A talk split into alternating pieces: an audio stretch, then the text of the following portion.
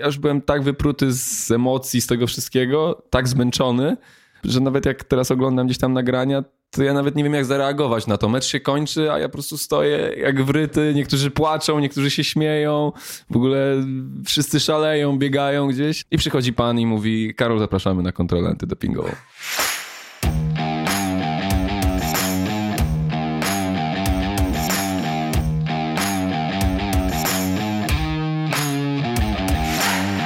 Nazywam się Cyprian Majcher i witam Cię w podcaście Elite Mentality. Audycji tworzonej dla osób pragnących poznać sposób myślenia, nawyki i mentalność ludzi, którzy osiągnęli mistrzowski poziom w swoich dyscyplinach. Witam Cię w nowym epizodzie podcastu, w którym moim gościem jest mistrz świata w siatkówce z 2014 roku Karol Kłos. Karol został także dodatkowo uhonorowany na tej imprezie nagrodą indywidualną dla najlepszego blokującego mistrzostw świata.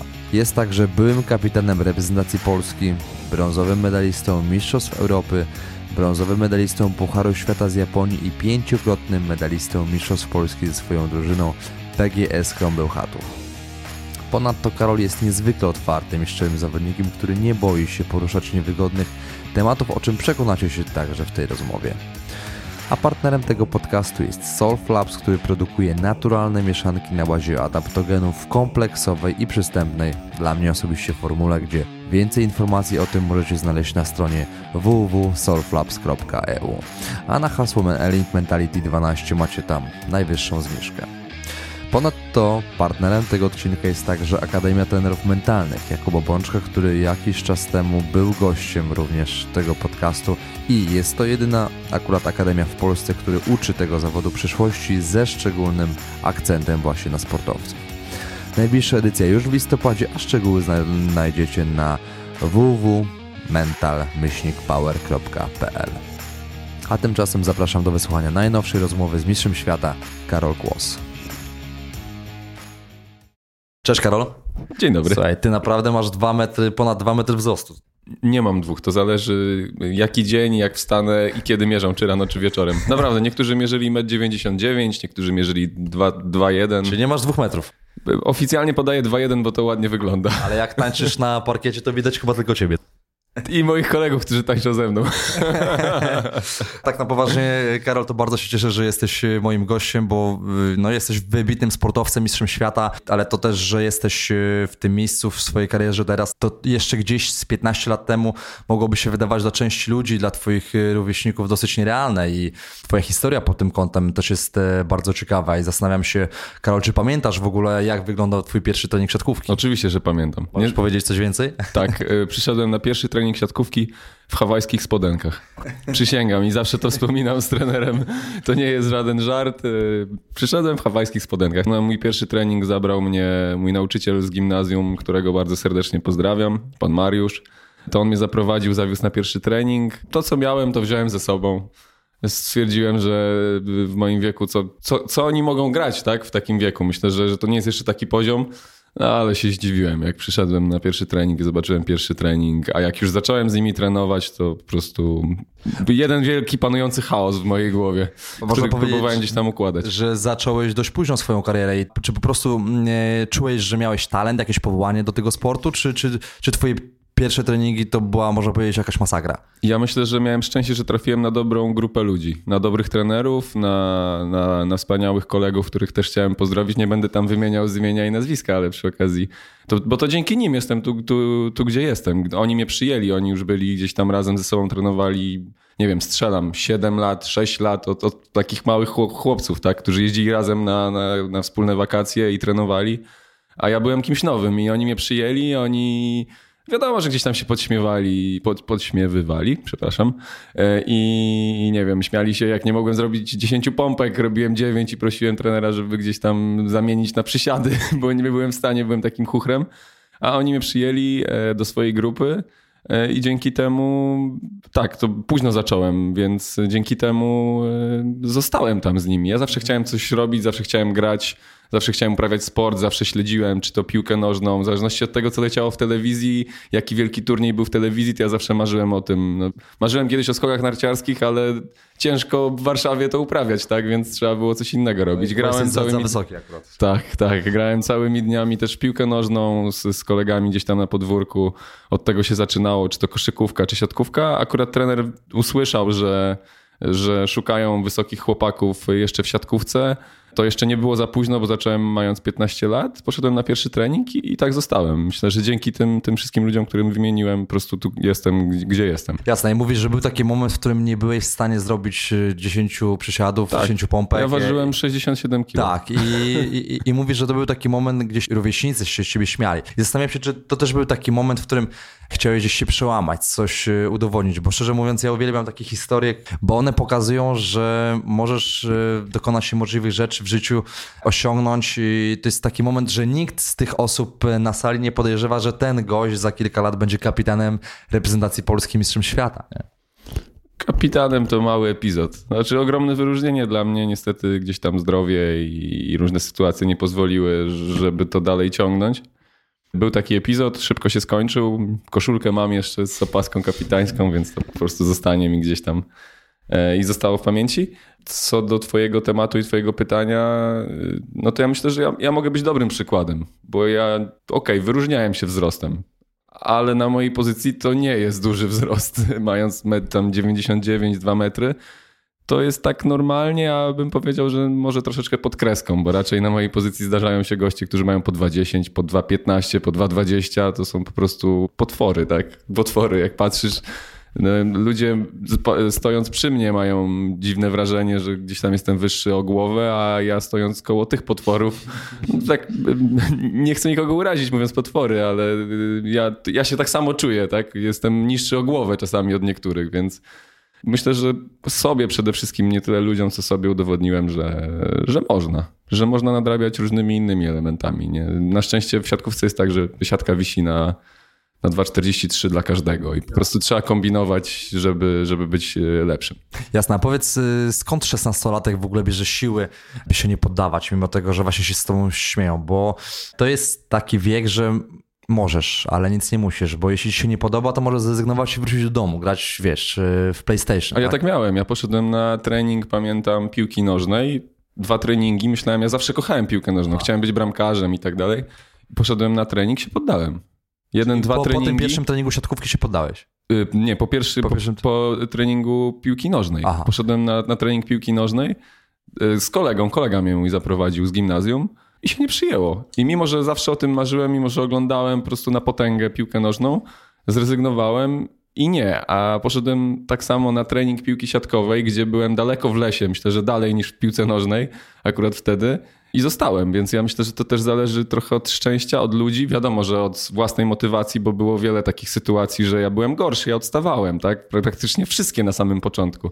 Aczkolwiek, jeżeli ma się już te 15 lat, ja myślę, że jeżeli się bardzo chce, to nigdy nie jest za późno. Jeżeli chcesz bardzo, to w wieku 15 lat robisz ogromne postępy. Po prostu z dnia na dzień czujesz, że jesteś lepszy. Były momenty, że trener na przykład do mnie dzwonił gdzieś tam po roku trenowania, wiedział, że mam zaległości, e, czy nawet, nawet szybciej gdzieś tam, wiedział, że mam zaległości i mówi, e, Karol, zwolniło się miejsce na obóz. Tylko, że będziesz trenował z chłopakami 3 lata młodszymi od siebie. Okej, okay? jedziesz, jedziesz z nami? Ja mówię, kurczę, trenerze, no dla mnie to jest dwa tygodnie dodatkowej pracy i, i tego, żeby nadrobić te zaległości, które mam. I mówię, jasne, jadę, gdzie mam się stawić, tak? Więc też potem oczywiście wkręcaliśmy, bo byłem troszeczkę większy od nich. Wkręcaliśmy, że jestem z ich rocznika, oni przerażeni w ogóle, jak to jest możliwe. E, ale też miło to wspominam i, i to są takie, tak, takie momenty właśnie, że, że da się, że ten chłopak, który gdzieś tam ma zaległości, gdy jest starszy, naprawdę dużo szybciej nadrabia to i, i w pewnym momencie się budzisz, mówisz, wow, dostałem powołanie do reprezentacji, tak? Przychodzi pierwsze powołanie gdzieś tam do młodzieżowej reprezentacji i, i widzisz i te kolejne takie levele wybijane dają ci kolejną motywację, kolejnego kopa, że idziesz w dobrą stronę. To prawda, oczywiście niesamowite i tak y, może chcę troszeczkę przywiercić ten temat akurat, bo interesuje mnie najbardziej, w jaki sposób nadrobiłeś te różnice, e, mhm. które wynikały z takiego przepaszczenia tego okna szansy, czyli tego momentu, w którym gdzieś tam w młodym wieku możesz e, jak najwięcej tych umiejętności nabyć, więc zastanawiam się, powiedziałeś taką ciekawą rzecz o tej motywacji, czyli co na ten moment było twoją taką największą motywacją? Tak jak powiedziałem, ja marzyłem o tym, żeby, nie wiem, znaleźć się w reprezentacji. Naprawdę trafiłem na fantastyczną grupę, na mhm. fantastycznych trenerów. Pierwszy rok e, trafiłem na trenera Mirka, którego wszyscy po prostu jego ćwiczenia, to było, to było straszne. Chłopaki marzą o tym, żeby wyjść sobie 6 na 6 i pograć się dobrze bawić, a on po prostu taczki coś innego, kolejne jakieś takie, żeby ogólnorozwojowe ćwiczenia, żeby, żeby wejść na pewien poziom, żeby, żeby, żeby ten młody chłopak dobrze się rozwijał, miał siłę. I tak naprawdę w niektórych e, treningach nie chodziło o to, żeby grać w piłkę i dobrze grać w piłkę i odbijać i, i się dobrze bawić, a, a robiliśmy takie rzeczy, których no, młody chłopak nie lubi za bardzo po prostu. Jakieś takie techniczne rzeczy, e, rywalizacje, jakieś małe gierki i tak dalej, i tak dalej. Czyli też w pewien sposób taka ciężka praca, jak na takiej... Tak, tak. No ja e, pamiętam no, moment, jak zaczynałem, ten pierwszy trening, o którym mówisz, pamiętam go dokładnie. Jeszcze to była ulica Hawajska. Nie wiem, czy kojarzysz na Ursynowie. Jest tam hala na ulicy kojarzę. Hawajskiej. Ja przyszedłem tam na tą halę w hawajskich spodenkach. I tam zaczynaliśmy. I potem pamiętam... W metrze Warszawa rozumiem. Za, KS Metro Warszawa. Okay. Polecam, naprawdę fantastyczni ludzie. Ten klub się bardzo do, w dobrym stronę idzie, rozwija się. Nawet Paweł Zagumny ostatnio wspiera. Jego, jego córka tam e, trenuje, bo otworzyli też sekcję e, żeńską. Kiedyś tego nie było, teraz jest też sekcja no tak, żeńska. Bo też Oniko Warszawa trenuje na, w arenie Ursynów, prawda? Tak, Oni, tak, tak, tak, tak, tak. Więc e, wracając do, do tematu, pamiętam ten pierwszy trening i pamiętam później po 7-8 miesiącach, gdzie graliśmy od trzecie miejsce Mistrzostw Polski chyba w swoim roczniku w kadetach w Częstochowie. I ja sobie wspomniałem, wróciłem tak myślami 7 miesięcy wstecz, mówię wow, ile ja się nauczyłem przy tych chłopakach, przy tym trenerze. I pamiętam, że po, tym, po tych 8 miesiącach przyszło powołanie do, do, do, do, drugiej reprezentacji młodzieżowej. I to są takie małe punkciki, które cię tam popychają. Mówisz, kurczę, idę w dobrą stronę, ja chcę, ja ja jestem na dobrej drodze, jak, jak się nie będę poddawał, jak się nie wywalę, a nawet jak się wywalę, to wstanę i pokażę im, że, że mogę dalej. Świetne podejście i właśnie tak pierwsza też rzecz, która mi się nasuwa, to zastanawiam się w ogóle, ile wtedy musiałeś poświęcić, bo tak jak powiedzieliśmy, zacząłeś tą swoją karierę bardzo wcześnie, bo to był gdzieś tam, gdzieś wiek, mówisz, tych 16 lat i... Przełom 15-16 tak, jakoś. I jeszcze później chyba z takich y, bardziej znanych sportowców, bym powiedział, chyba Marcin Gortat zaczynał chyba w wieku 18 lat. I, też tak słyszałem. I niedawno też czytałem taką świetną świetną książkę Kopania Talentów, między innymi o tym, skąd biorą się mm, prawdziwe talenty i skąd bierze się w ogóle fenomen e, między innymi, no nie wiem, brazylijskich piłkarzy, jamańskich sprinterów, e, długodystansowców z Kenii, czy tenisistów z Rosji. I troszeczkę autor obalił taką tą trochę znaną e, formułę Malcolma Gladwella, która mówi o tym, że trzeba mieć przepracowane te 10 tysięcy godzin, żeby osiągnąć jakiś mistrzowski poziom w tej dyscyplinie. I on pokazał, że aby zostać światowej klasy sportowcem, potrzebujesz e, około 20 tysięcy godzin treningu. Wszystko dlatego, że mm, e, sport się rozwija, rośnie konkurencja w dyscyplinach jest naprawdę zacięta i do czego dążę. Żeby osiągnąć taką ilość przepracowanych godzin treningowych, musisz zacząć bardzo wcześnie, mając tam może 6-7 lat i zastanawiam się, jak ma się to do ciebie, bo specjalnie to nawet policzyłem. Od momentu Twojego pierwszego treningu siatkówki, jak rozmawialiśmy, do momentu zdobycia przez siebie Mistrzostwa Świata minęło dokładnie, uwaga, 9 lat. To jest fenomen. Dzięki.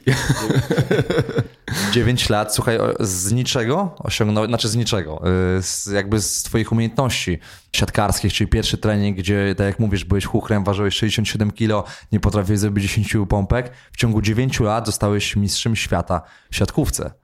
To jest niesamowite, więc w ogóle zastanawiam się, ile wyrzeczeń cię kosztował cały ten proces w ogóle, bo jakby osiągnąłeś, można powiedzieć, coś, coś takiego niewiarygodnego i rozumiem, że ten 9, to 9 lat nie wyglądało 9 lat jak u normalnego zawodnika, tylko ty musiałeś naprawdę dokładać dużo więcej tych cegiełek. Mogę ci powiedzieć, że będąc siatkarzem, w ogóle będąc sportowcem, w pewnym momencie się budzisz i tak jak ja teraz się budzę, masz 29 lat i już bardzo dużo za sobą i nie ma tego że takiego normalnego życia. No ja też wyjechałem do Bełchatowa, teraz jestem, już idę do przodu, ale też jestem dziewiąty sezon w Bełchatowie. Swoich wszystkich przyjaciół zostawiłem tu, dziewczynę zostawiłem tu. Na szczęście to już teraz moja żona, ale też zostawiłem tu. A wracając jeszcze do, do czasów liceum, bo to były czasy liceum, to pamiętam taką historyjkę, y, to myślę, że mój dobry przyjaciel z lat y, tam dzieciństwa, z którym byłem przez przedszkole, podstawówkę, gimnazjum, poszedł, potem, poszliśmy potem razem do liceum. On mnie zobaczył, jak zacząłem treningi, y, zobaczył mnie gdzieś tam na przerwie z książką Bladego, gdzieś tak po, po pół roku już treningów. I, I się zapytał, Karol, siema, co tam, jak tam, w ogóle, co słychać, tak, bo nie byliśmy w tych samych klasach. Ja mówię, przepraszam, ale ja, mówi, że opowiadał mi to i mówi, że po prostu powiedziałem mu, przepraszam, ale muszę poczytać coś tam, tak po, po, po, poduczyć się, bo zaraz jakiś sprawdzian, bo nie wiem, jakieś pytania. Mówi, że tak, tak bladego mnie jeszcze nie widział po prostu. No, to jest masę wyrzeczeń i, i czasem się nawet zastanawiam nad tym, czy, czy jeszcze raz bym zrobił to samo, tak? Czy wiedząc to, jak dużo to kosztuje? Czy to, nie wiem, trzy dni sukcesu po, powiedzmy po Mistrzostwie Świata, gdzie po prostu wszyscy cię noszą na rękach, bo to nie jest dłużej niż trzy dni, gdzie jest ta taka największa, maksymalna euforia, po prostu czujesz się jak król świata i, i w ogóle. Czy, czy byś to wszystko jeszcze raz poświęcił? I to jest trudne pytanie. Ale tak to wyglądało. No, w... Poświęciłbyś? Tak. Odpowiadam szybko na to trudne pytanie. czyli, czyli, czyli to też można powiedzieć trochę tak, że patrząc na skrót twojej kariery na Wikipedii, można pomyśleć, że twoje życie no i twoja kariera sportowa była usłana różami, bo można poczytać o samych zwycięstwach e, tak na jest. drodze kariery. Miałeś, ja to zupełnie inaczej e, na to patrzę. No właśnie, miałeś takie, sobą. Jak, jakieś spektakularne porażki, które wywarły na tobie takie największe wrażenie? Tak, jeszcze tylko chciałem wrócić do tego, do, okay. tych, do tych poświęceń i do czasów liceum. To mhm. naprawdę treningi 5 dni w tygodniu, wieczorami. Dojeżdżałem, tu pozdrawiam liceum ogólnokształcące Cervantesa, bo tam chodziłem do liceum. Dosyć dobre liceum. Nie wiem jak jest teraz, już trochę minęło. I, I, nauka, nauka, nauka. Oczywiście ja szczerze mówiąc do, do, do czasów liceum naprawdę dobrze się uczyłem ale nie ma szans tego pogodzić po prostu dobrej nauki z treningami, gdzie jeszcze są przejazdy, Warszawa jest duża, 40 ja jeszcze byłem spod Warszawy tak naprawdę, z samych, samych obrzeży Warszawy, więc też miałem wszędzie daleko. Czasami po 45 minut na trening. Teraz w Bełchatowie mam 7 minut na trening, więc nie jest, nie jest źle. Ale wtedy naprawdę te przejazdy mnie zabijały. Czasami się zastanawiałem, czy zdążę na ostatni autobus do domu wieczorny, tam pamiętam 22 chyba 30 coś. Zastanawiałem się, czy zdążę na metrem na Metropolitechnika i stamtąd miałem autobus do domu. Tak pięć dni w tygodniu, w weekendy mecze, mecze juniorów, ale też graliśmy później, była druga liga w Legii Warszawa. Też bardzo fajny epizod, takie pierwsze spotkanie z taką seniorską siatkówką. Oczywiście to jest zaplecze gdzieś tej wielkiej siatkówki, ale naprawdę ciekawe doświadczenie i też wyjazdy, więc czasem było tak, że sobota, niedziela mecze, a gdzie nauka, Czasami rodzice przymykali oko, czasami gdzieś tam zostawałem jeden dzień, żeby pouczyć się, bo wiedziałem, że mam jakiś sprawdzian następnego dnia, to nie szedłem do szkoły, zostawałem, uczyłem się, dopiero potem na jakoś przepchnąłem, że tak brzydko powiem. Ale to też było smutne, bo, bo ja zawsze lubiłem się uczyć i dobrze się uczyłem. I jak wiesz, że tych zasobów ci trochę brakuje i w pewnym momencie coś poświęcasz na rzecz czegoś, to też robić się trochę smutno i też możesz się gdzieś tam podłamać, jak idziesz do szkoły i, i nie wiem, dostajesz truje, dostajesz dwóje, mówisz, kurde, no przecież dobrze się uczyłem do tej pory, a, a no ale, ale nie, ale będę zawzięty i, i dalej, dalej na treningi, dalej z kumplami. E, I jakoś to sam teraz, jak wracam myślami do trzech lat liceum, to była masakra. Nie wiem, jak ja to pogodziłem. Teraz staram się, wiesz, dobrze jeść, dobrze odżywiać, a wtedy, nie wiem, gdzieś na szybko bułka, gdzieś, e, pamiętam obiad u kolegi na Ursynowie, Wojtka, bardzo też pozdrawiam. Jego babcia nam zawsze gotowała. Też, gdzieś też na, gdzieś tam próbował po moich lekcjach, też często do niego wpadałem, bo on miał bliżej po prostu ze stokłosy tam na, na, na trening i wpadałem do niego właśnie, tak jak wspomniałem, babcia pyszne obiadki gotowała i może też dzięki temu no, wiele ludzi się przyczyniło do tego, że ja jestem tu, tu gdzie jestem. Czyli trzymałeś cały czas tą równowagę między nauką i... E... Chciałem, starałem się, ale to jest bardzo trudne. To naprawdę jest bardzo trudne. Myślę, że to jakieś wybitne jednostki po prostu świetnie się uczą i, i do tego jeszcze nie wiem, uprawiają sport i odnoszą sukcesy. Dokładnie. I jeśli mielibyśmy, Karol, nawiązać do, tych porażek, bo mhm. tak jak powiedzieliśmy, dużo e, sukcesów. Ja lubię zboczyć z tematu. Tak du, dużo, sukcesów, du, dużo sukcesów masz i, e, i tak jak powiedziałem, na Wikipedii można wyczytać o tobie naprawdę jest cała litania, co osiągnąłeś, ale w Wikipedii nikt nie napisze, Karol tutaj przegrał w tym, w tym meczu, Oczywiście, dlatego że, tak.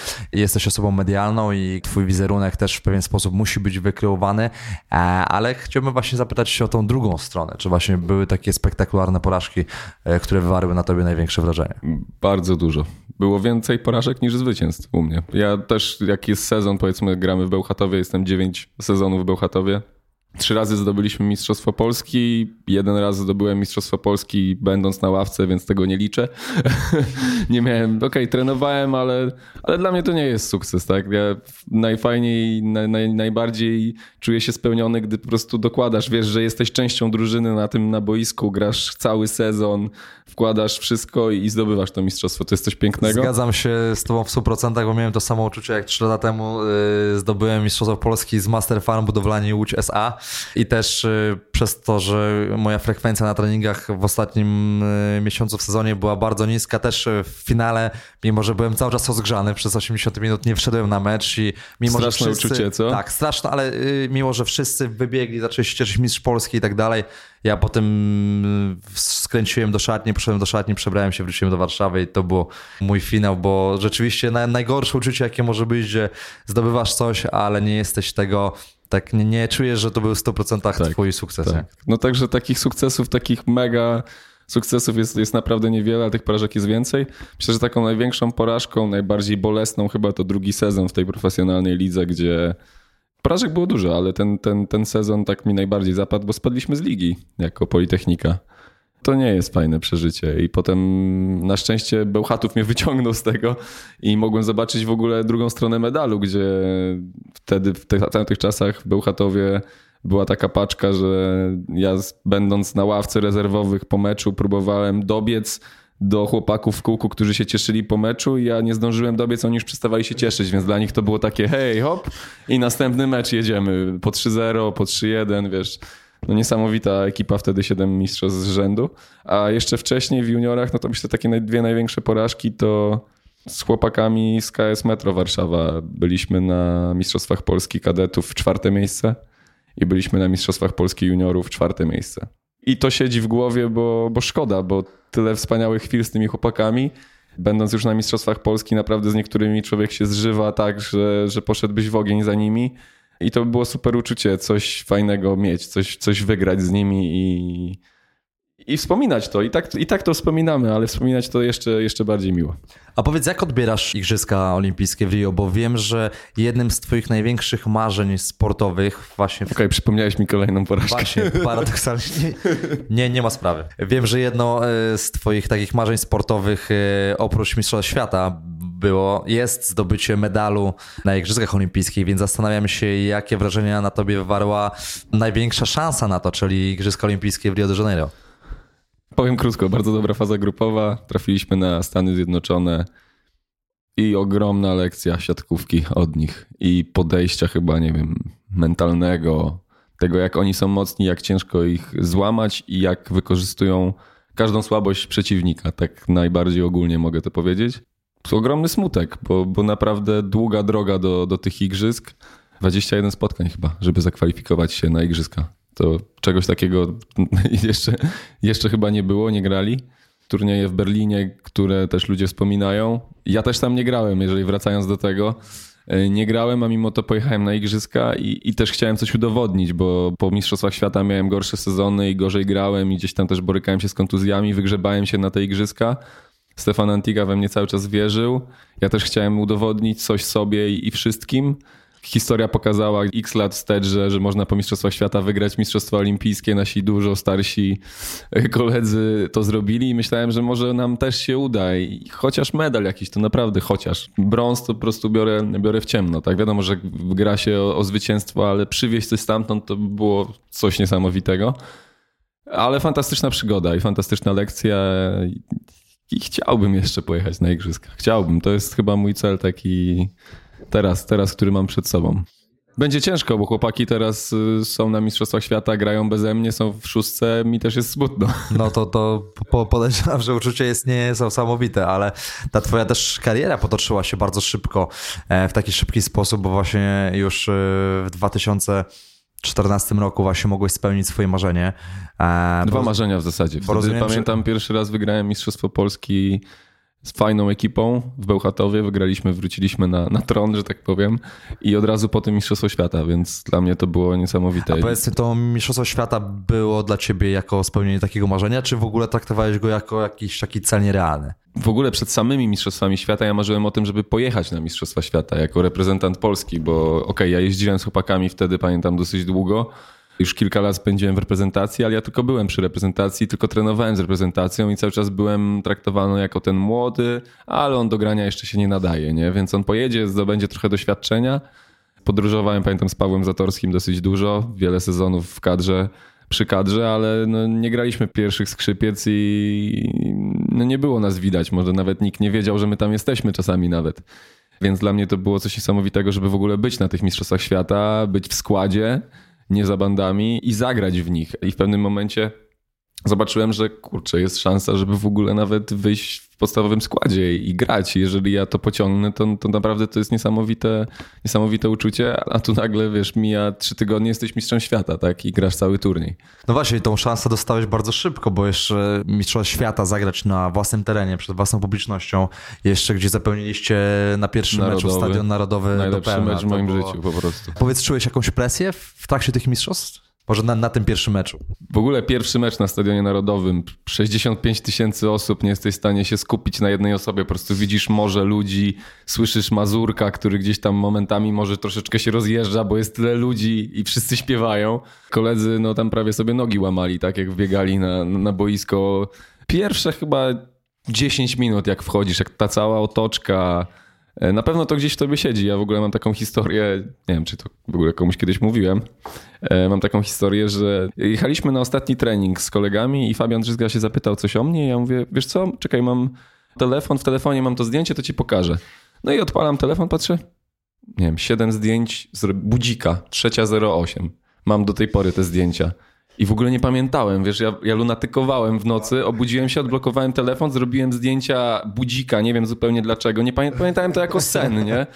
Taka dawka stresu mi się wydaje przed tym wszystkim, że, że, że nawet w nocy to ciało musi jakoś odreagować. Ja też mam tak, że jak się stresuję i to moja żona też mi opowiada często różne historie, po prostu mówię przez sen. Jak byłem młody, to, to zdarzało mi się też chodzić przez sen. Na szczęście to już się skończyło, ale teraz mówię przez sen. No i wtedy zrobiłem zdjęcie budzika, tak? Więc w ogóle jakiś kosmos. To, to mi uświadomiło, jak bardzo jesteśmy, nie wiem, sfokusowani, zestresowani, nabuzowani, tak, żeby, żeby wyjść. Więc te potem pierwsze 10-15 minut e, na Stadionie Narodowym to był stres, ale jakoś zeszło i po prostu stwierdziłem, że, no nie, nie można. Trzeba się cieszyć i łapać chwilę, bo coś takiego się nie powtórzy, jak do tej pory się nie powtórzyło. I właśnie przechodząc trzy tygodnie dalej, czyli ten finał Mistrzostw Świata, bo rozumiem, że rozpoczęliście, to były du duże nerwy, ale gdzieś tam to pasmo sukcesów cały czas stanowiło dla was taką falą, jeśli się do przodu, do przodu. No i trzy tygodnie później, tak jak powiedziałeś, finał i powiedz, jak się czułeś w finale Mistrzostw Świata? Niesamowicie chyba, to sam ten, sama taka otoczka, w ogóle czujesz się jak w jakimś, nie wiem, NBA, tak? Wszyscy na ciebie, wszystkie oczy na ciebie zwrócone, mijasz gdzieś tam kolegów, e, mijasz trenerów, z którymi gdzieś tam trenowałeś, wszyscy cię poklepują, wiesz, widać, że trzymają za ciebie kciuki, cała Polska przeżywa. Chyba co, co trzeci Polak w ogóle oglądał ten, ten finał, z tego co potem mi ktoś uświadomił. E, więc wszyscy byli z nami i to było widać w ogóle chyba 40 tysięcy, coś ktoś też mówił, ja nie, w ogóle tego nie widziałem, nie ogarnąłem tego, ale 40 tysięcy osób przed, przed spotkiem, gdzieś tam na telebimie obserwujących. Pewnie ponad 10 to leciutko na samym spotku. Niesamowite, ale ja myślę, że trudniejszy mecz był ten e, półfinałowy, gdzie graliśmy z Niemcami i to była teoretycznie słabsza drużyna, która, która naprawdę grała bardzo dobrze i to był chyba największy stres, żeby, żeby nie zaprzepaścić tej szansy, nie? jak już to zeszło, jak już wygraliśmy z Niemcami 3-1, to ogromna radość i, i nagle mówisz, wow, jutro grasz finał Mistrzostw Świata, nie? Z Brazylią, kurczę, którą pokonałeś tam chwilę wcześniej, 3-2, jeszcze raz, nie? Niesamowite uczucie. Ja już byłem tak wypruty z emocji, z tego wszystkiego, tak zmęczony, że nawet jak teraz oglądam gdzieś tam nagrania, to ja nawet nie wiem jak zareagować na to. Mecz się kończy, a ja po prostu stoję jak wryty, niektórzy płaczą, niektórzy się śmieją, w ogóle wszyscy szaleją, biegają gdzieś i przychodzi pan i mówi, Karol zapraszamy na kontrolę antydopingową. tak było. Byłem pewien, że przyjdzie. Wszystkich losowali wcześniej, ja byłem pewien, że przyjdzie do mnie, jak, wygra, jak coś wygramy, to przyjdzie do mnie. Czy nie miałeś możliwości... Ale załatwiłem to szybko, że... jak mistrz świata, także nie było problemu. Czasami jest, wiesz, czasami jak się zapomnisz odlejesz pod prysznicem, to już jest koniec świata, nie? Tak. To już jest, to nie mam, to jest koniec świata, bo czekasz wtedy 4 godziny, żeby się tak, tak, tak. wysikać kolejny raz. Więc. Tak jest. A powiedz mi, no bo to jest w ogóle ciężko mi sobie wyobrazić. Oczy całego świata siatkackiego skierowane są na siebie, już nie wspominając, tak jak powiedziałeś, że co trzeci Polak oglądał ten finał Mistrzostw Świata, więc w ogóle co czułeś, kiedy wiedziałeś już, że jesteście mistrzami? Wtedy pierwsze uczucie od razu po, kiedy już zdobyliście ostatni punkt i w ogóle ta euforia. To, to, to, to jest, jest, ciężko sobie wyobrazić w ogóle. Ciężko to sobie wyobrazić. Nawet nie umiem tego chyba ładnie opowiedzieć, żeby, żeby ktoś to poczuł, a ale chyba naj, najwspanialsze uczucie to jak budzisz się rano, wiesz? Budzisz się rano i sobie to mówisz, kurczę, to nie był sen, nie? I schodzisz, wszyscy uśmiechnięci, radośni. Mega. Imprezowaliście po? Nie było czasu. Nie Właśnie było czasu. to trochę żałuję, że nie było czasu się nacieszyć tym, bo potem mieliśmy mecz w niedzielę, a ja w piątek już byłem chyba w klubie, już na jakimś a, turnieju gdzieś tam pod, pod Wrocławiem byliśmy. A co się działo potem e, w takim Nie razie? mogę ci bo... powiedzieć. E, ale to w takim razie kilka dni potem, bo mówisz, że ten hype trwał, mówisz, trzy dni na ten wasz sukces związany z Mistrzostwem Świata. Mhm. E, no i chyba taki Tak to wygląda zazwyczaj. Mocno odczuwany przez was, tak mi się wydaje, bo taki moment, gdzie mogliście się w pełni poczuć jak y, gwiazdy Hollywood. Mogliście, myślę, no rozchwytywani przez media. Byliście nazywani też nawet bohaterami narodowymi. Tak też się czuliście w ogóle? Mm, chyba aż tak, nie. No, bohater narodowy, no fajnie. Myślę, że sprawiliśmy ludziom ogromną radość. I, i, I, widziałem, jak ludzie płaczą, jak niektórzy ludzie, po których się w ogóle nie spodziewałem, że, że tak mogą zareagować, reagują w taki sposób, że po prostu wow, nie? Że, że, to my zrobiliśmy, że to my tak na nich wpłynęliśmy. Ale nie, no bohater narodowy aż tak chyba bym, bym nie szedł. No, tam nie przyjmowałem kulek na klatę za kogoś, więc y, a, a, aż, tak, aż tak to chyba nie.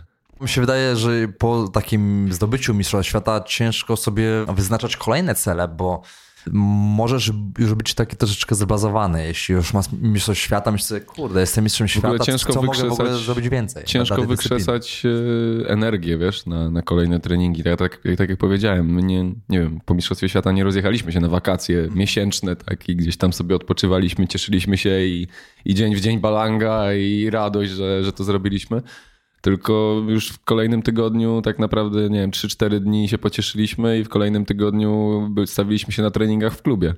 I to wszyscy tak po, dosyć podobnie mieli. Nie ma czasu na to, bo, bo liga już ruszała i trzeba było się stawić.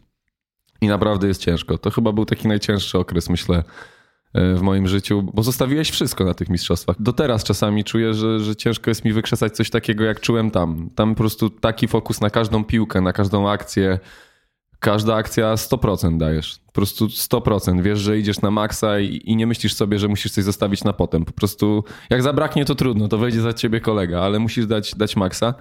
I teraz naprawdę świeżo po tym, tak, w, w lidze, no było tak, że do połowy starczyło, a później już to, co wypracowałeś, a później czułeś, że, że, że już nie możesz, nie? że nawet, nawet nie chodzi tyle, bo, bo ciało jest dużo w stanie wytrzymać ale, ale głowa i ta motywacja no, no nie jest taka, tak? I też widzisz, że, że każdy przeciwnik chce coś ci udowodnić, nie? Że, że, że chce z tobą może rywalizować. Jesteś, może nim nie tak, jesteś. może nim nie jesteś, może kurczę, no a będę lepiej grał od mistrza świata, nie? No, to czujesz to, czujesz to, że, że każdy chce cię gdzieś tam ugryźć, nadgryźć, nie?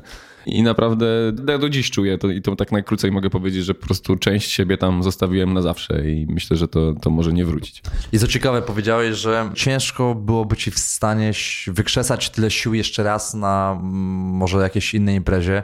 Tego myślę, typu, że na igrzyska da radę. Na igrzyska.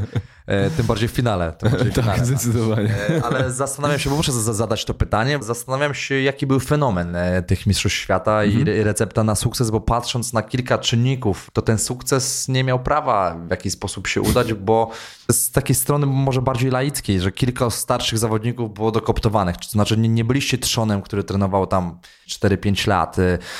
Oni byli dokoptowani na samą imprezę. Krótki straż trenera Antigi, też w jakiś sposób bariera językowa. No dużo takich czynników nowych. Kuba Bączyk doszedł jako trener mentalny. Gdzie według ciebie, powiedz, leżał e, ten fenomen zdobycia tego mistrzostwa? Ja myślę, że wszystko złożyło się idealnie w czasie i myślę, że podobnie może być, nie wiem, że nasi przeciwnicy może nie trafili z formą, może okej, okay, nie chcę nikomu, nie chcę nam zabierać, że, że graliśmy, nie wiem, ze, ze słabymi reprezentacjami, bo tak nie było, bo dostaliśmy taką drabinkę, że chyba nikt by się nie spodziewał i po prostu udowodniliśmy, że jesteśmy najlepsi. Przegraliśmy tak naprawdę tylko ze Stanami, ale oni przegrali z Argentyną i odpadli dużo wcześniej od nas, więc y, ja myślę, że wszystko, dużo szczęścia, dużo rzeczy złożyło się w czasie odpowiednio, tak jak mówisz. No, to, to, to, to nie miało prawa się udać, tak? Bo to przecież był trener Antiga, który, trener, zawodnik Antiga, który nagle stał się trenerem i, i trenuje swoich kolegów. Jeszcze niedawno chyba grałeś na przeciwko niemu, prawda? Tak, tak. No, Z nim przeciwko też zdarzało tak. się, tak?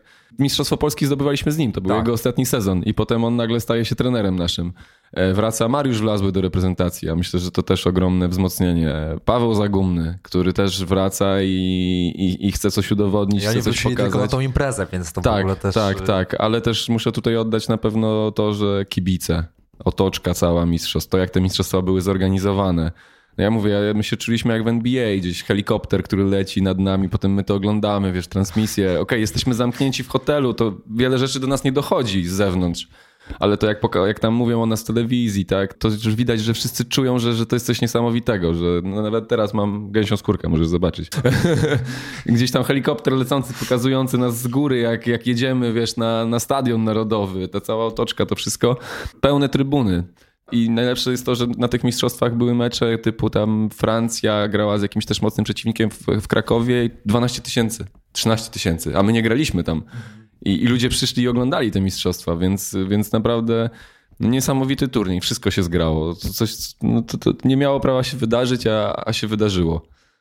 Wspaniała ekipa, która się uzupełniała. Jak, jak nie wiem, jeden nie grał, to wchodził drugi i, i, poprawiał, tak? I ciągnął tą grę. I naprawdę wielu, wielu ojców sukcesu, tak bym to, tak bym to nazwał. No tak, tak jak mówisz... Też y, fajnie się ułożyło. Potem też rozmawiałem z trenerem, z Wojtkiem od przygotowania fizycznego naszym. Pozdrawiam Wojtka Janasa. Gdzie rozmawialiśmy i on mówi, że kurczę, to wszystko fajnie się złożyło, bo nie awansowaliśmy wcześniej do Ligi Światowej i mieliśmy trochę więcej czasu na przygotowania. Mogliśmy spokojnie się przygotować. Młodzi chłopcy tacy jak ja, gdzieś tam inni ograli się w tej lidze światowej, już troszeczkę pograli, wygraliśmy nawet gdzieś tam z Brazylią. I to wszystko później za, zaprocentowało, tak? To, że myślę, że Brazylia też wiedziała, że, że my się nie poddamy, bo wygraliśmy z nimi w lidze światowej dwa razy, chyba na cztery, raz u nich, dwa, jeden mecz taki, że, że też przegraliśmy 3-0, ale mogliśmy w drugą stronę wygrać 3-0, tylko po prostu byliśmy młodzi i nie, tego nie wykorzystaliśmy, przestraszyliśmy się tego, tak? No i później wychodzisz z nimi i oni wiedzą, że się nie poddasz, wiedzą, że będziesz walczył. Wygrywasz 3-2 i wychodzi finał, wiedzą, że dostali z nami już raz.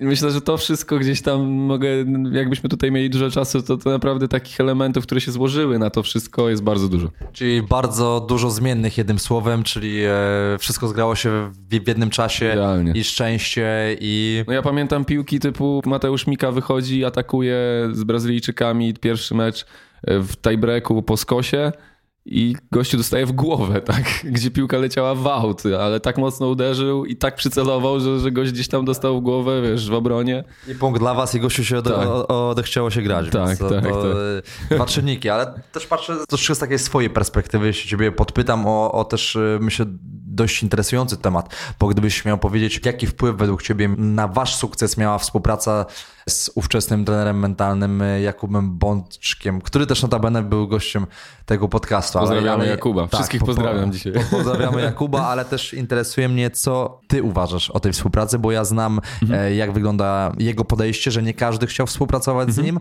Ciężko było mu wejść w drużynę, bo był osobą z zewnątrz, taką obcą, więc za- zastanawiam się, Nie jak wszyscy. do niego podchodziłeś ty, do jego pracy i czy też z chęcią korzystałeś z jego usług, można powiedzieć. Sz- Szczerze mówiąc, y, podchodziłem Bo to nie było tak, że on tylko przyjechał na Mistrzostwa Świata, tak? On był z nami dużo wcześniej. Ale po Mistrzostwach Świata już skończył swój epizod. Tak, w reprezentacji tak. tak. Ja z nim mam do tej pory kontakt, gdzieś tam raz na jakiś czas się spotkamy, nawet ostatnio też był Chatowy się widzieliśmy. Podobno bierze 5 tysięcy za godzinę, więc sporo się kosztują te spotkania. Ale... E, mam zniżkę. Kurczę, ale muszę być bogaty. To, to, I to jest, to jest kolejny mit, że e, po Mistrzostwach Świata to już nic nie muszę robić. No tak. A po reklamach Plusa, no oj, to no już w ogóle. To, to pociągi ze złotem przyjeżdżają do mnie. Przed Mistrzostwami możesz brać dwie stówy, a potem już wiesz, pięć tysięcy. Więc też można zarobić dobrze na tym. E, więc jak to wyglądało od początku? To może, to może na, na, początek, jaki wpływ według ciebie w ogóle na wasz sukces miał e, współpraca z nim? Ja, mogę powiedzieć, ja mogę powiedzieć na swoim przykładzie. Nie jestem w stanie powiedzieć, jak bardzo on się przyczynił całej reprezentacji. Wiem, że byli ludzie, bo ich widywałem. Mieliśmy się w drzwiach w pokoju Kuby, tak? Kto, kto gdzieś tam przychodził. Ja mogę powiedzieć na swoim przykładzie, że był taki moment, że Kuba mi bardzo pomógł tych mistrzostwach, bo jak jesteś w drużynie, są rzeczy, o których nie możesz powiedzieć swoim kumplom. No nie możesz się zwierzyć z pewnych rzeczy swoim kumplom gdzieś, co ci siedzi na, na nie wiem, że, że czujesz się słabo, że może... Myślę, że mogę tu otwarcie teraz powiedzieć, że nie wiem, kurczę, stary, nie wiem, co się dzieje, ale nie blokuję. No nie możesz mu tak powiedzieć, bo on bo to będzie miał w głowie, że, że ty jesteś może niepewny, może coś. A Kuba był taką postacią z zewnątrz, do której ja też na początku podchodziłem z pewnym dystansem, ale przyszedł taki moment w turnieju, że poszedłem do niego i się odblokowałem zupełnie, nie? Wyrzuciłem to, co miałem gdzieś tam głęboko i się odblokowałem i pomogło mi to, tak? I to był taki moment, gdzieś pamiętam jeden wieczór, że, że, że po prostu spotkaliśmy się, wygadałem się, wyrzuciłem wszystko, coś tam przerobiliśmy pewne rzeczy i potem zacząłem blokować jak szalony, nie? No, no, no naprawdę coś niesamowitego. No, do, do dzisiaj też to wspominamy z Kubą. I też nigdy tego nie mówiłem nikomu, więc to, to taki. Ale myślę, że już teraz po tylu latach można, można to powiedzieć. On mi osobiście bardzo pomógł. I to było jedno spotkanie podczas Mistrzostw Świata, takie, takie prywatne, a, a po prostu tego potrzebowałem w tym momencie. Może bez tego by, by tak nie było, może, mo, może bez tego by było, nie wiem, ale, ale ja czułem, czułem ulgę i czułem to, że, że to mi pomogło. Super, chyba najlepsza wypowiedź na temat treningu mentalnego, jaką kiedykolwiek znaczy, słyszałem, ja już... bo ty pokazujesz, że, że rzeczywiście ta współpraca z nim była skuteczna, bo wychodząc z założenia, że jeśli każdy zawodnik podczas tych mistrzostw świata spotkał się z Kubą i jakby odblokował pewne swoje takie mm, niepewne ruchy na boisku albo kwestie, w których gdzieś tam jest blokuje brak pewności siebie czy nadmiar presji, więc jakby jeśli każdy się odblokował i, i potem mówisz, że ty zacząłeś blokować jak szalony, a powiedzmy Mariusz Wlazły zaczął mieć pewniejszą zagrywkę, czy, czy jeszcze mocniejszą, szybszą, bo gdzieś tam wiedział, że ten blokujący na, na siatce nie jest tak wysoki, jak mu się wydaje. Tu też myślę, że ten fenomen e, rzeczywiście mógłby być e, spowodowany też e, takim czynnikiem prawda?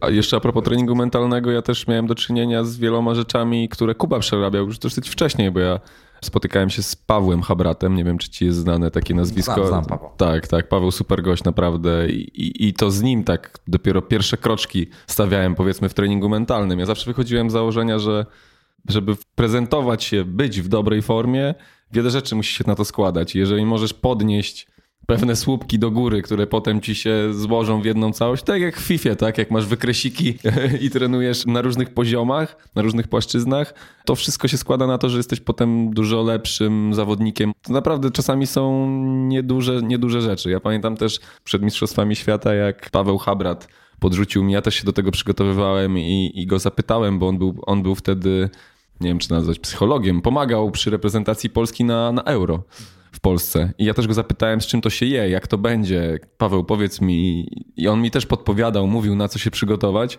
Podrzucił mi też kilka aplikacji na iPada, gdzie mogę tam powiedzmy trenować swoją szybkość reakcji. Podrzucił mi jakieś tam takie śmieszne, bardzo proste gierki, gdzie, gdzie naprawdę musisz się skupić, żeby być jak najszybszym, jak najszybciej reagować. I pamiętam, że nawet przed, przed samym pierwszym meczem, jak jechałem, na, żeby zająć po prostu swoją głowę, żeby nie myśleć o tym, co zaraz będzie, czy się uda, czy się nie uda, po prostu sobie grałem, tak? Trenowałem jeszcze przed samym, przed samym meczem, żeby, żeby jeszcze się lepiej przygotować. Tak jak robisz poranny rozruch, więc ja, ja już miałem z tym do czynienia, a Kuba to była kolejna postać, która gdzieś tam pomogła mi w tym. Ba, mi w, bardziej mi w tym żywsza aplikacja, bo rozumiem, że rozmowa z trenerem mentalnym opiera się na takiej głębszej relacji na pewno. A czy mógłbyś powiedzieć, Karol... Na pewno musisz e, ufać temu człowiekowi. No, to na pewno. A, a czy mógłbyś powiedzieć, w jaki sposób e, z wami współpracował? W sensie, jak wyglądało na przykład takie spotkanie z nim e, przed meczem? Nalewał wam drinka, tak? Dzwonił po dziewczynę i co dalej? Odpalał jacuzzi. na pewno to było zupełnie coś innego niż wszyscy się spodziewali. Bo Kuba jest, myślę, że wiele ludzi, ja też spotykam wiele ludzi, którzy poznało Kubę i albo byli na jego szkoleniu, albo byli na jakimś jego wykładzie, albo byli na jakimś jego wystąpieniu dla firm. Naprawdę spotkałem kilka osób, które, od których nagle gdzieś tam padło Kuba Bączek. I ja kurczę, znam. Wróciłem do domu i chciałem przemeblować wszystko, nie? Zacząć zupełnie odwrócić swoje życie. I, i wielu takich ludzi spotykam, więc to jest fajne i on tak zaraża pozytywną energią i właśnie on też tak podchodził e, do nas. Ja myślę, że on wtedy nie był aż tak znany, jak to też Mistrzostwo Świata na pewno dużo mu pomogło ale gdzie przychodził do nas, to nikt go nie znał i nie wiedział, kto to jest, z czym to się je, jak to będzie wyglądać. A pamiętam, że było kilka spotkań takich, że byliśmy wszyscy razem i też nas kilka po prostu razy gdzieś tam rozbawił i, i przekonał do siebie. Bo, bo to nie było tak, że wszyscy razem chodziliśmy do niego. Po prostu kto potrzebował podczas Mistrzostw Świata, tak jak ja akurat wtedy potrzebowałem w tym danym momencie, miał otwarte drzwi, mógł, mógł przyjść i, i on starał się mu pomóc. A zastosowałeś jakąś technikę ciekawą, która działała na ciebie najbardziej? Wow, nie pamiętam. Nie Musielibyśmy pamiętam. porozmawiać z, z, z, Jakubem. Nie A pamiętam tego. się też, y, Karol, A nie chcę wymyślać Jasne, teraz, że okay. robiliśmy coś, czego wiesz. Okej, okay, a powiedziałeś, że pracowałeś wcześniej przed y, współpracą z Kubą Bączkiem, z Pawłem Habratem w trakcie mistrzostw y, z Kubą. Z Pawłem też trenowałem dużo wcześniej, jeszcze jak, jak wychodziłem tak naprawdę z Politechniki do Bełchatowa. I to był wielki dla mnie siatkarski świat, zupełnie ogrom, ogromna przepaść. I, I, też dużo musiałem wysiedzieć na ławce, żeby, żeby dostać swoją szansę w Bełchatowie. I też wiele było dni, gdzie po prostu już wątpiłem w siebie i mówiłem, no nie, no trzeba uciekać. I też wielu ludzi już, jak, jak już ci ludzie dookoła mówią, że kurczę Karol, wiesz co, może ten Bełchatów to nie jest miejsce dla ciebie, może pojedź gdzieś, gdzie będziesz mógł grać a ja się twardo trzymałem i chciałem tam, tak? Chciałem, chciałem być częścią tego tej wielkiej siatkówki, bo dla mnie to by była porażka, gdybym, gdybym poszedł do innego klubu. Wielu jest takich zawodników, dla których nie ma miejsca w danym klubie i idą do innego klubu i tam są ogromnymi gwiazdami, dzięki temu rozwija się ich kariera, a ja się uparłem i chciałem tam i kilka sezonów przesiedziałem.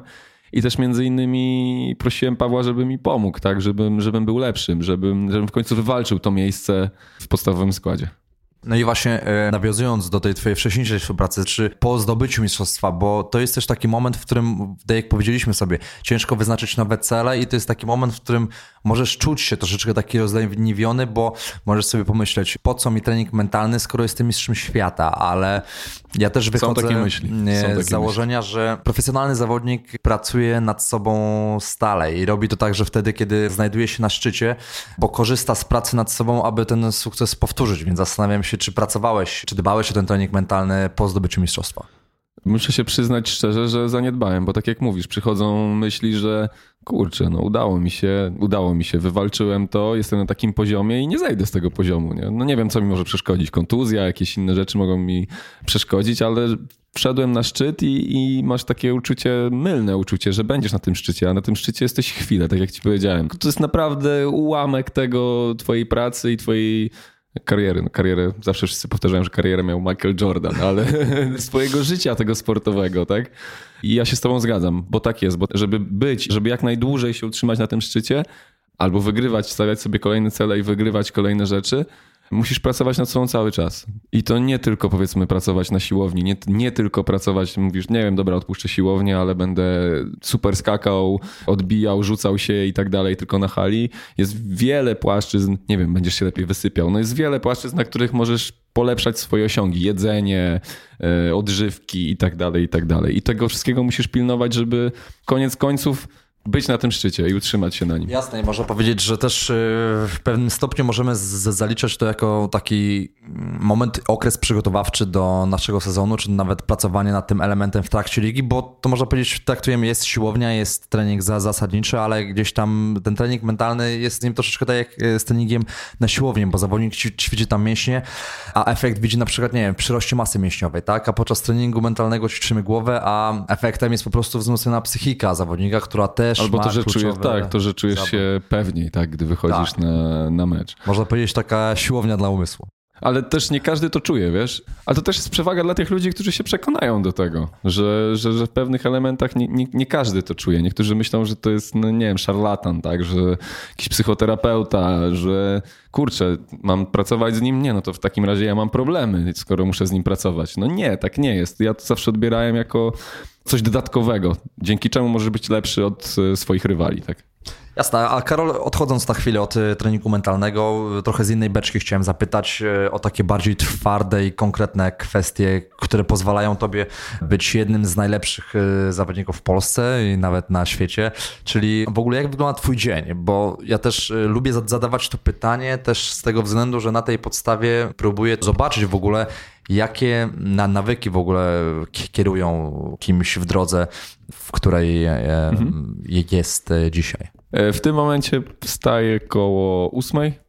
Znaczy z roku na rok też staram się coś dokładać nowego, coś dzięki czemu będę lepszy. Myślę, że jestem ambitnym sportowcem i chcę, kurczę, z roku na rok być lepszy w tym, co robię. I staram się coś tam dokładać, więc teraz w tym momencie wygląda mój dzień tak, że wstaję troszkę wcześniej niż zwykle. Kiedyś potrafiłem wstawać, to, to, to się przyznaję bez bicia wstawać i, i pójść i zjeść hot doga iść na siłownię i się dziwiłem, dlaczego nie rośnie. Teraz też nie rośnie, bo jestem takiej postury jak jestem, ale, ale dużo lepiej się czuję, lepiej funkcjonuję, mam więcej energii. Wstaję o ósmej, jem śniadanie, owsianka, owoce, orzechy i tak dalej, i tak dalej. Potem sobie 9.30 zaczynamy, 9.15 w zasadzie przyjeżdżamy troszkę wcześniej, robimy jakąś taką prewencję delikatną, jakieś ćwiczenia takie, żeby się rozgrzać. Potem mamy wspólną rozgrzewkę, trening siłowy, koło dwóch, w sumie cały trening zajmuje mi koło teraz w tym, w tym momencie w okresie przygotowawczym 2,5 do 3 godzin rano. Rozciąganie, rolowanie, też wrzuciłem to w tym teraz, bo, bo już mam swoje lata i czuję, że jak się nie porozciągam, jak się nie przeroluję, to trochę boli gdzieś, trochę tu, trochę tam, jeszcze przy takich obciążeniach.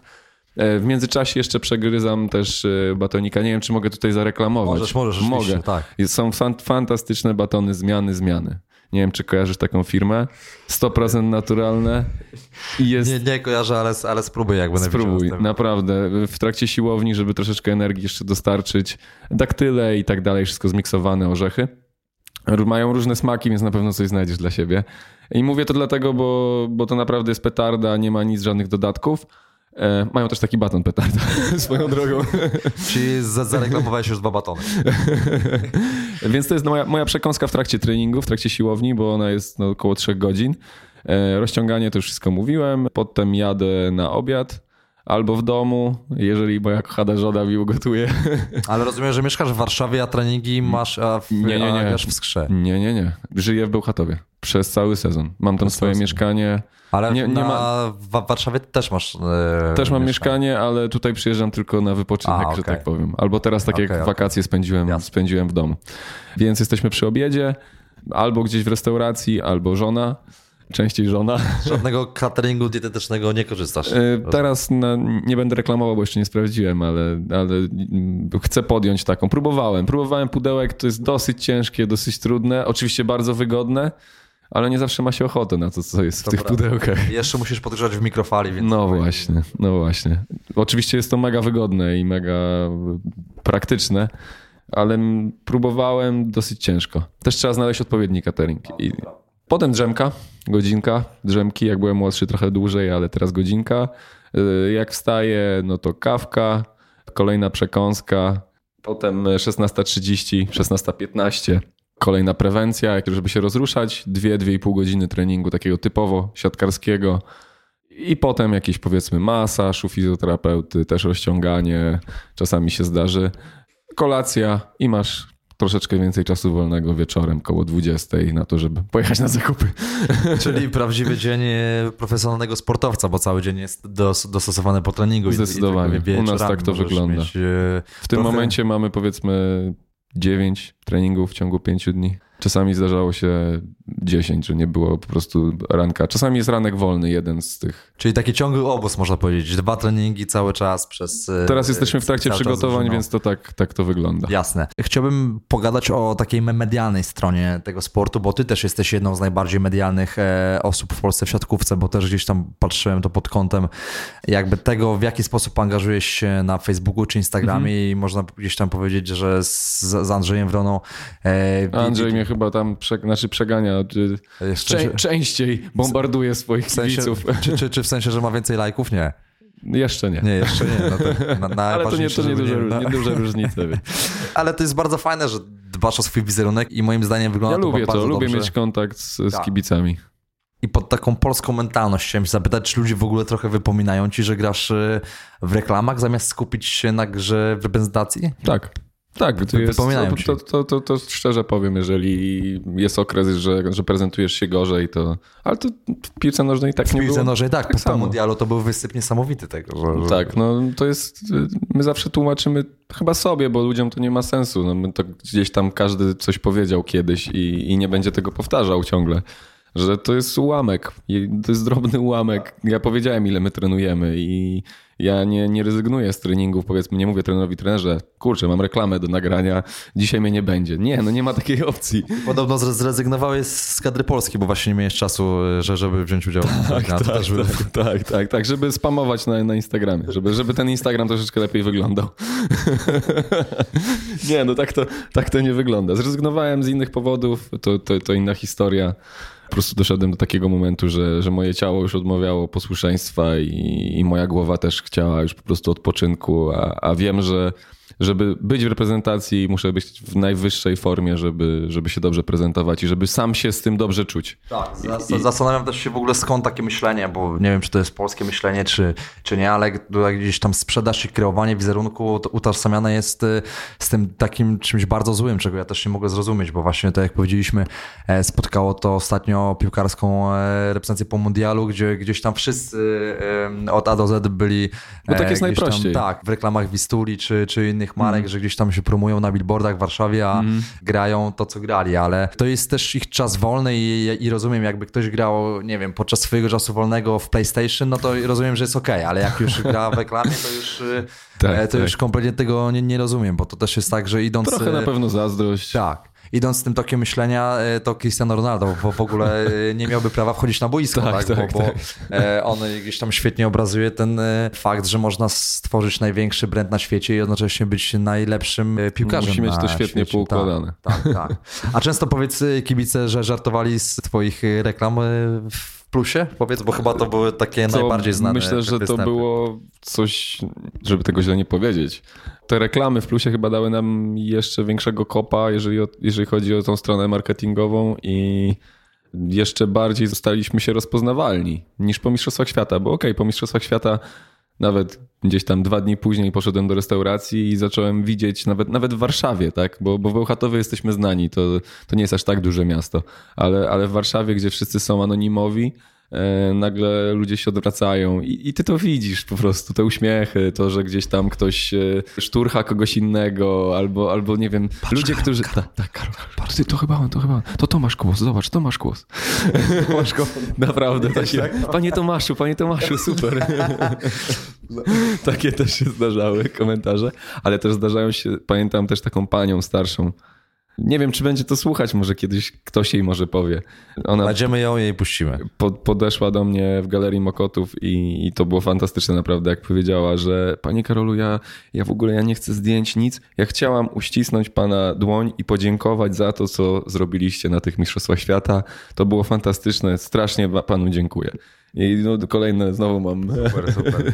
znowu mam ciarki, więc y, no, takie, takie historie są fantastyczne. A wracając do tych reklam już, tak? Po tym staliśmy się bardziej rozpoznawani niż, niż, niż po Mistrzostwie Świata. I nie zarobiliśmy tam milionów. Tu plus, plus mnie zabije, ale... I miałeś jakieś e, zaczepki na, na ulicy w stylu tam... E, tak, ja w ogóle, Bra. że tak powiem, nie ogarnąłem raz, bo, bo gdzieś tam szedłem po ulicy i ktoś do mnie krzyczy Brawo ty! Ja mówię, kurczę, co ja takiego zrobiłem, nie?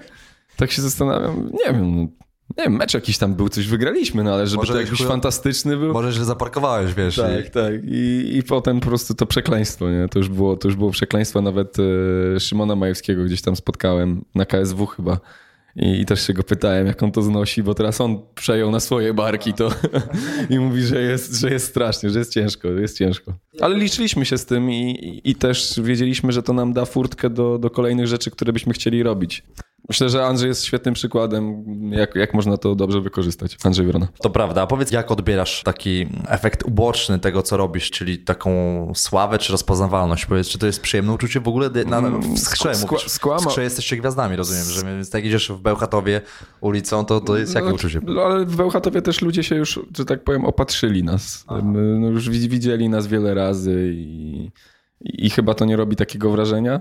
Skłamałbym, gdybym powiedział, że to jest nieprzyjemne. No to też często pomaga, ale też są takie dni, że, że czujesz, że chciałbyś posiedzieć sam, że, że nie chciałbyś, żeby ktoś cię zaczepiał, bo nie wiem, masz gorszy dzień, bo może na treningu ci nie wyszło, bo, bo może coś się dzieje, jakieś problemy masz. No i wtedy, wtedy to zaczyna ci przeszkadzać, tak? No, ja, ja, staram się zawsze gdzieś tam uśmiechem do, do ludzi, ale, ale przyznaję się, że są takie dni, że, że no, no, nie chciałbyś, a musisz na przykład, nie wiem, wyjść do galerii, coś kupić, gdzieś pójść, tak? No tak ale też. do teraz zdarzają się sytuacje, gdzieś tam, nie wiem, pan ochroniarz w Rosmanie, znowu zareklamuje, który, który też mówi, kurczę, super, na was to zawsze można liczyć, panowie, ciśnijcie dalej, fajnie. Myślę, że więcej jest tych, tych miłych takich momentów spotykanych ludzi na ulicy niż, niż tych niemiłych, więc to tak, naprawdę bo, jest przyjemne. Bo to jest tak, że też e, hejt jest dużo bardziej e, taki tolerancyjny, dokładnie e, pod tym kątem, że możesz, jeśli jesteś anonimowy, to łatwiej ci go też wypowiedzieć. To tak. też często jest wyrzut gdzieś tam własnych takich Myślę, że emocji, mało jest ludzi, którzy by do ciebie tak, tak podeszli, tak twarzą w twarz tak. powiedzieli to, co piszą tak. gdzieś tam w internecie. Tak, dokładnie. A jeśli jesteśmy przy tej właśnie negatywnej stronie popularności, to czy będąc y, taką medialną osobą i rozpoznawalną też jakby w naturalny sposób jesteś brany na tapet w mediach i zastanawiam się, czy dużo spotykasz się z takim hejtem w internecie, czy... Zdarzało się. Na szczęście teraz jakoś to się uspokoiło. Może dlatego, że nie gram w reprezentacji. No właśnie, to się bardziej pod tym kątem, że nie grasz. Zdobyliśmy Mistrzostwo Polski jest... w tamtym roku, więc też może nie ma się za bardzo do czego przyczepić. Zdarzało się, zdarzają się jakieś takie przykre komentarze, ale kiedyś ignorowałem, teraz staram się jakoś humorystycznie też do tego podejść i, i odpisać, żeby trochę rozluźnić atmosferę, bo nawet, nawet jeżeli ja to przeoczę, to inni ludzie podejmują i robi się taka burza po prostu niepotrzebna zupełnie. A najciekawszy hejt, jaki usłyszałeś na że jestem cienki jak siki. Co w sumie? Zgodziłeś się w sumie, więc to, tak. to, to teraz no, to, to, można powiedzieć, że to nie był Różne, nie, jeszcze były różne, że, że tata mi załatwił a Gdzieś tam granie, w ogóle mój tata nie ma nic wspólnego ze sportem, ale był Ireneusz Kłos i ludzie idąc, gdzie tam jest Kuba Jarosz i był tata, który Jarosz grał, Fabian Drzyzga, tata Drzyzga, który grał i komentuje teraz mecze, więc oni sobie już ułożyli historię, że skoro był Ireneusz Kłos, który też był dobrym siatkarzem, to na pewno to jest mój tata i na pewno on mi załatwił przepustkę do, do większego. Co, co w ogóle jest zupełną nieprawdą i nawet spotkałem się kiedyś z panem Ireneuszem Kłosem, i, on mówi, że kurczę, Karol, wiesz co, pytają mnie, czy jesteś moim synem. Ja mówię, wie pan co, pytają mnie, czy jest pan moim ojcem. On mówi, no odpowiedziałem, że chciałbym, ale nie. Ale powiedz, masz dystans taki do tego, nie bierzesz tych komentarzy emocjonalnie do siebie, bo e, też jest, mógłbym dać dużo przykładów, w których Wszyscy negatywne mówią... komentarze mogą skończyć twoją karierę i często wchodząc bardzo dynamicznie na szczyt, gdzieś spotykasz się z taką falą hejtu czasami i ludzie z tym sportowcy szczególnie, sobie. czytając te komentarze niestety sobie nie radzą i to się często kończy właśnie... Wiesz co, ja mam chyba taki charakter, że w ogóle chciałem zacząć, że dużo sportowców się wypowiada, że nie czyta oczywiście komentarzy i tak. w ogóle do nich to nie dochodzi i tak dalej. Są tacy twardzi i w ogóle. Ale tak nie jest. No, no ja, niektóre komentarze oczywiście nie dochodzą. Czasem było tak, że ktoś życzliwy albo ktoś po prostu gdzieś przeczytał i, i ci przesyła, co tam o tobie, o tobie piszą. E, niektóre do ciebie nie docierają i się z nich śmiejesz, a niektóre są naprawdę przykre i zastanawiasz się, dlaczego ludzie tak piszą. A ja mam taki charakter, że zawsze te negatywne jakoś bardziej mnie mobilizowały do tego, że a kurczę, po, pokażę wam, nie? Ja, ja, ja będę górą. Możecie tak gadać, ale poczekajcie za pięć miesięcy. Będę cierpliwy i zobaczycie wtedy, nie? Tak do tego staram się podchodzić. Super, czyli taka duża pewność siebie e, z ciebie bije po, po tym yy, Wbrew pozorom nie jestem w ogóle pewny siebie, ale w tych sytuacjach staram się być. Wiesz co, chyba sam sobie wmawiam, że i to potem działa, naprawdę. To, to jest takie, że, że gdzieś Czyli tam... Jakub masz... Pączek zdjął też z siebie różne inne blokady. Myślę, że tak. Myślę, że, myślę, że tak, bo, bo, bo naprawdę, gdy byłem młodszy, moim problemem było to, że chyba nie byłem pewny siebie i nie byłem pewny swoich umiejętności, jakie już posiadałem. I w pewnym momencie przyszedł e, jeden trener i, i to on też mnie odblokował. To też Miguel Falaskę gdzieś tam przyszedł i powiedział, kurczę Karol, wiesz co, będziesz u mnie szóstkowym, ale ja muszę widzieć w twoich oczach, że ty cały czas jesteś z nami na boisku, że na przykład po dwóch nieudanych akcjach się nie załamujesz. To jest bardzo ciężkie w siatkówce, bo możesz czekać na swoją okazję, nie wiem, 5-6 piłek, tak? I myślisz cały czas, kurde, no ostatnią wywaliłem w nie? I może następną też wywalę. No to wtedy na pewno wywalisz, nie? I musisz pokazać swoim ciałem, miałem taką metodę po prostu, że musisz pokazać, że, że nie, że się nie załamujesz, mimo tego, że w głębi duszy tam siedzi taki mały Karolek i mówi, a nie dasz rady, kurde, nie? Zaraz, zaraz wywalisz wałt. Ale to super, to super słyszeć, bo też pokazujesz też, myślę, w rozmowie to się da zmienić, że masz naprawdę, taki duży się... dystans, że masz taki duży dystans do siebie i luz do świata, więc e, myślę, że no jakby też widać po tobie, że nie jesteś osobą, która gdzieś tam mocno przeżywa to i stara się skupiać na takich negatywnych aspektach. O, to tylko... byś porozmawiał z moją żoną, ile no, poprzeży... poprzeżywałem, ile Ale przynosiłem do domu, roboty do domu Słuchaj, przynosiłem. Każdy z nas buduje w jakiś sposób e, swój awatar, a to, co się dzieje gdzieś tam w domu, wiesz, ja tak, też... Tak, tak, tak. Zgadzam tam, się, bardzo e, fajne sformułowanie, to jak, awatar jak y, odprowadzam dziecko do przedszkola, to 30 razy wychodzę z siebie i to gdzieś tam w ogóle nie, nie, nie ma nic wspólnego gdzieś tam z tym, kim jestem na co dzień, ale to Aha. gdzieś tam y, pewne sytuacje w domu, czy podczas chłodni, to gdzieś tam potrafią wydobyć siebie. To jest, to jest nie, świetne na sformułowanie, to awatar, bo, bo, bo naprawdę to się sprawdza. Ludzie, można powiedzieć, że zakładają maski na przykład, tak, tak. jak wychodzą na mecz różnych gości, tak, a potem w normalnym życiu są zupełnie inni, więc tak, tak po prostu jest. No i, I to też ogóle, pomaga. Tak tworzymy awatary w mediach. Dlatego to też jest taki fajny aspekt, w którym bardzo łatwo poradzić sobie z tym hejtem, że osoba, która ci hejtuje, ona nie hejtuje ciebie, tylko ona hejtuje twój awatar, czyli ten tak. wizerunek w mediach, który ty stworzyłeś, że jesteś mistrz świata, że w ogóle ten mistrz świata to powinien grać w kadrze e, Polski bez względu na wszystko. Jak komuś się nie podoba, on powinien grać, ale mhm komentarz dotyczy jego wyobrażenia na ten temat i tego, który ty stworzyłeś. A ty kim jesteś naprawdę, to już jest. On nie, nie hejtuje ciebie, tylko ty coś wykreowałeś, więc to też jest gdzieś tam taka fajna metoda, żeby. Ciekawe, tego nie znałem. Nie, nie, nie jeszcze sobie... nie patrzyłem pod tym kątem. Ja, ja bardzo lubię. Dzięki. Kolei... Może mi pomożesz też. Pewnie. Ja bardzo z kolei lubię rozumieć, jeśli cokolwiek gdzieś tam e, słyszę negatywnego, to, to właśnie to jest gdzieś tam moje takie fajne, mm, może usprawiedliwienie, ale, ale, ale takie podejście. A jeszcze, Karol, y, chciałbym się ciebie zapytać o twoją e, karierę w kontekście przyszłości. Jaki masz e, na nią plan, jeśli twoja kariera z pewnych względów e, dobiegnie końca, może szybciej, mm. może później, bo mm. sport jest nieprzewidywalny. Kariera, mm. proste, kontuzja w meczu potrafi mm. cię wykluczyć na kilka miesięcy, kilka lat i, i wiadomo, że będąc w dołku już nie jest, tak jak rozmawialiśmy nie masz, przed tak, rozmową, tak. troszeczkę, że już nie jest tak kolorowo, jak... Nie jesteś taki atrakcyjny. Jak powinno być. I właśnie czym myślisz o tym teraz? W ogóle jak, jak to e, powinno Od być? Od początku w zasadzie myślę. Starsi koledzy mnie chyba tego nauczyli. No bo jak wchodzisz, masz tam powiedzmy 18 lat, e, spotykasz się z już naprawdę dojrzałymi siatkarzami, którzy niektórzy nie mają pomysłu na siebie, niektórzy mają fantastyczny pomysł. No i ja, ja też starałem się gdzieś tam podpatrywać, co, kto, jak. No i w głowie zawsze było to, że rodzice też mówili, że kurczę Karol, a jak coś się stanie, no to mówię, dobra, to pójdę na studia i będę studiował i będę coś tam robił. No mam nadzieję, że mi pomożecie. Więc ja starałem się mieć jakiś pomysł. Nie mam jednego pomysłu, nie wiem, co się sprawdzi, ale myślę, że też jak będę miał dużo więcej czasu, jeżeli już skończę grać, tak, nie daj Boże odpukać, coś, coś by się stało, to na pewno w którąś stronę muszę się udać, a, a też czy ten kreowanie własnego wizerunku, to, że poznaję ludzi z różnych firm, że spotykam różnych ludzi, spotykam innych sportowców, którzy też są na topie. To, że jestem dzisiaj u ciebie, że ktoś może mnie usłyszy, może ktoś chce mnie zatrudnić.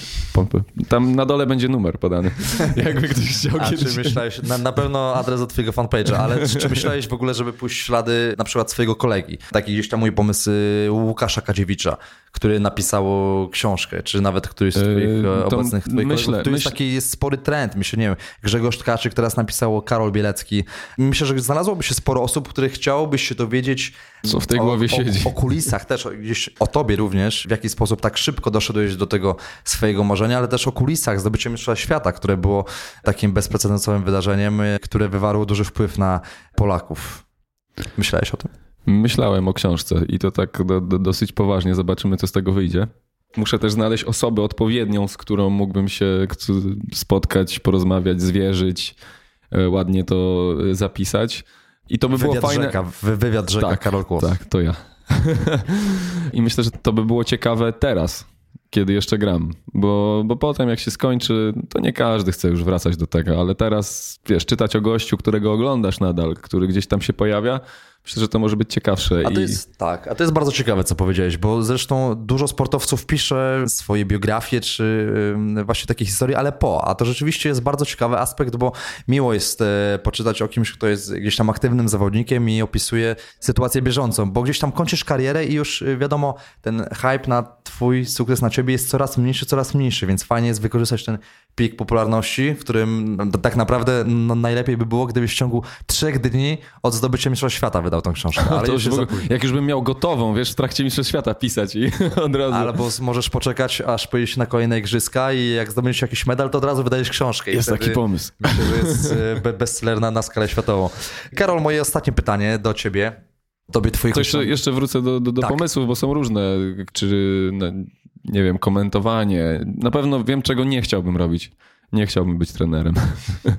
Bo to jest takie samo jeszcze gorsze życie niż życie siatkarza. No, to jest dokładnie to samo, tylko jeszcze oprócz my kończymy trening, idziemy, odpoczywamy, a trener jeszcze dalej myśli, przygotowuje, jak tam zaskoczyć przeciwnika, czy jak się przygotować do kolejnego meczu, więc to zupełnie nie no, chciałbym dalej tego ciągnąć. No Wystarczy. często taka naturalna kolej rzeczy, że po byciu zawodnikiem. Często nie ma innego pomysłu. Trenerem. Tak, dokładnie, ale jeśli, jeśli wiesz, jak to wykorzystać, tym bardziej, że jesteś medialną osobą i będąc. I tu przypominamy znowu mój numer telefonu.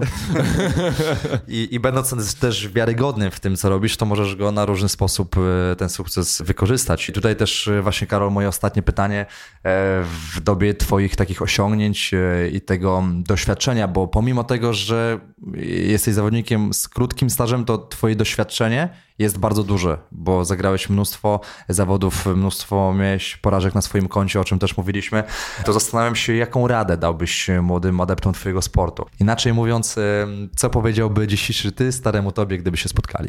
Innym osobom, jeżeli miałbym powiedzieć i, i młodym adeptom, żeby się nie poddawali. To jest, to jest utarte i, i w ogóle jakiś banalne i błahe, ale, ale tak jest. Ci ludzie, którzy się nie poddają i którzy są bardzo cierpliwi w tym, co robią, osiągają sukcesy.